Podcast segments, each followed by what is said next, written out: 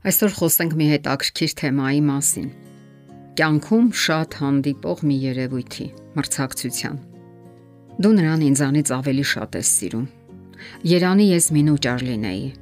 Ծնողները հաճախ են նման մտքեր լսում, երբ մեկից ավելի երեխաներ են ապրում իրենց հարկի տակ։ Չնայած քույրերն ու եղբայրները կարող են լինել ամենամտերիմ ընկերները, Հազվադեպ կարելի է գտնել մի երեխա, որը հիանալի հարաբերություններ ունի իր բոլոր եղբայրների եւ քույրերի հետ։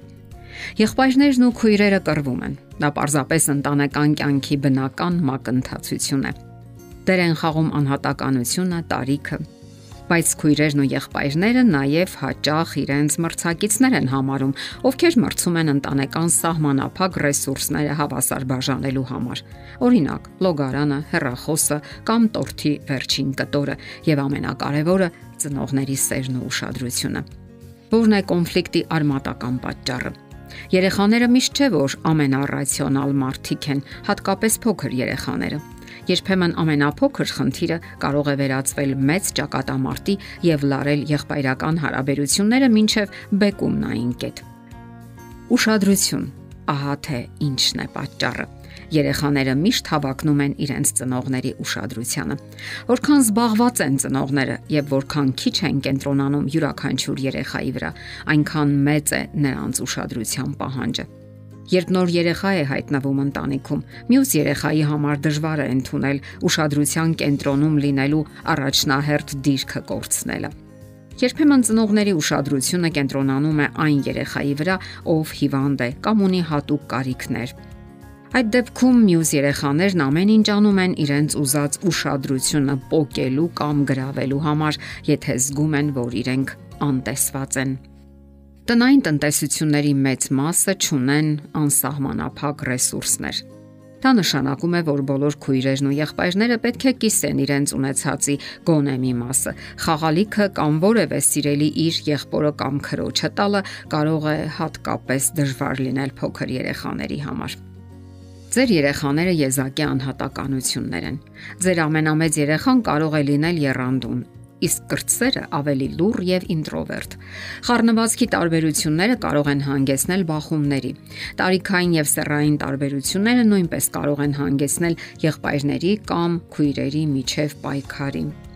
Երեխաները հաճախ պայքարում են նաև արդարության յուրահատուկ ընկալման համար։ Նրանք նման են փոքրիկ իրավաբանների, որոնք միշտ պահանջում են արդարություն եւ հավասարություն եւ պայքարում են այն բանի համար, ինչն իրենց բնական իրավունքն են համարում։ Կրտսեր քույրը կարող է բողոքել, թե ինչու է ավակ քույրը գնում համերգի, իսկ ինքը պետք է մնա տանը։ Ավակ քույրն էլ կարող է բողոքել, թե ինչու պետք է ինքը տանը նստի փոքրիկ քրոջ հետ ընկերների հետ դուրս գալու փոխարեն։ Անարդար վերաբերմունքի զգացումը եւ եղբայրական խանդը կարող են հանգեցնել վրթովմունքի։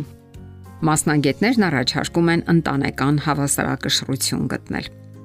Ծնողներին խորհուրդ են տալիս խուսափել վեճի մեջտեղում հայտնվելուց, քանի դեռ երեխաներից որևէ մեկին վիրավորվելու վտանգ չի սպառնում Փորձեք թույլ տալ ձեր երեխաներին, որ ինքնուրույն լուծեն իրենց խնդիրները։ Ներս մտնելը ձեր երեխաներին չի սովորեցնի, թե ինչպես վարվել կոնֆլիկտների հետ, եւ կարող է թվալ, թե դուք մի երեխային գերադասում եք մյուսից, հատկապես եթե միշտ պատժում եք նույն երեխային։ Երեխաների համար որոշ տարաձայնություններ ավելի հեշտ է լուծել, քան մյուսները։ Ահա կոնֆլիկտը լուծելու մի քանի խորհուրդ, երբ եղբայրների ու քույրերի միջև կռիվը սրվում է այն աստիճան, որ դուք այլևս չեք կարող դրանից դուրս մնալ կամ զերծ մնալ։ Դուք պետք է ձեր երեխաներին դուրս հանեք այսպես կոչված ռինգից եւ թողնեք, որ նրանք սարճեն, այսինքն հանգստանան իրենց անկյուններում, իրենց սենյակներում։ Երբեմն այն ամենը, ինչ երեխաներին անհրաժեշտ է, մի փոքր տարածությունն ու ժամանակն է միմյանցից հեռու։ Նաև նրանց սովորեցրեք բանակցություններ վարել եւ փողզիչումների գնալ։ Ցույց տվեք ձեր երեխաներին, թե ինչպես պետք է լուծել վեճերն այնպես, որ բավարարի կռվի մեջ ներգրավված երկու կողմերին, եղբայրներին կամ քույրերին։ Նախ խնդրեք նրանց դադարեցնել գոռալն ու բղավելը եւ վերսկսել խաղաղ շփումը։ Յուրաքանչյուր երեխայի հնարավորություն տվեք բարձրաձայնել իր դիրքորոշումը կոնֆլիկտի վերաբերյալ։ Լսեք եւ փորձեք չդատել։ Փորձեք parzabanել խնդիրը։ Եթե նրանք չեն կարողանում գաղափարներ տալ խնդրի լուծման համար, դուք լուծումներ կայացրեք։ Օրինակ, եթե երեխաները կռվում են նոր խաղի համար, առաջարկեք, որ դուք կգրեք ժամանակացույց, որը յուրաքանչյուր երեխայի որոշակի ժամանակ կտա այդ խաղը խաղալու համար։ Նաև փորձեք կիրառել կանոններ։ Համոզվեք, որ ձեր բոլոր երեխաները պահպանում են միևնույն կանոնները։ Բացառում ենք միմյանց հարվածելը,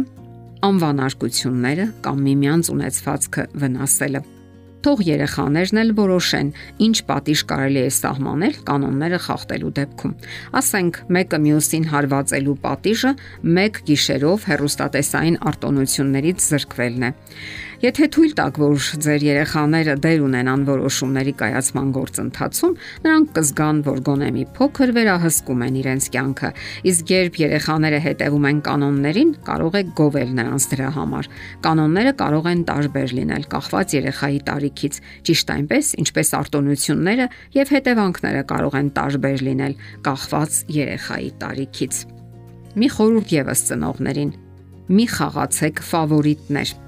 Նույնիսկ եթե ձեր երեխաներից մեկը անընդհատ դժվարությունների մեջ է, իսկ մյուսը հրեշտակ է, մի համեմատեք ձեր երեխաներին։ Օրինակ, այ նմանվիր քրոջդ, այ տես թե նա ինչպես է վարվում։ Դա միայն կստիպի, որ ձեր երեխաները ավելի շատ նեղանան միմյանցից։ Մեկ երեխային արտոնյալ վերաբերմունք տալը կարող է վնասել ձեր եւ ձեր երեխաների հարաբերություններին։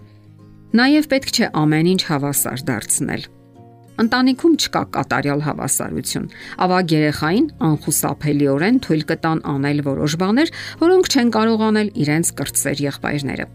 Ձեր երեխաներին հավասար դարձնելու փորձի փոխարեն յուրաքանչյուր երեխայի վերաբերվեք որպես եզակի եւ առանձնահատուկ անհատի։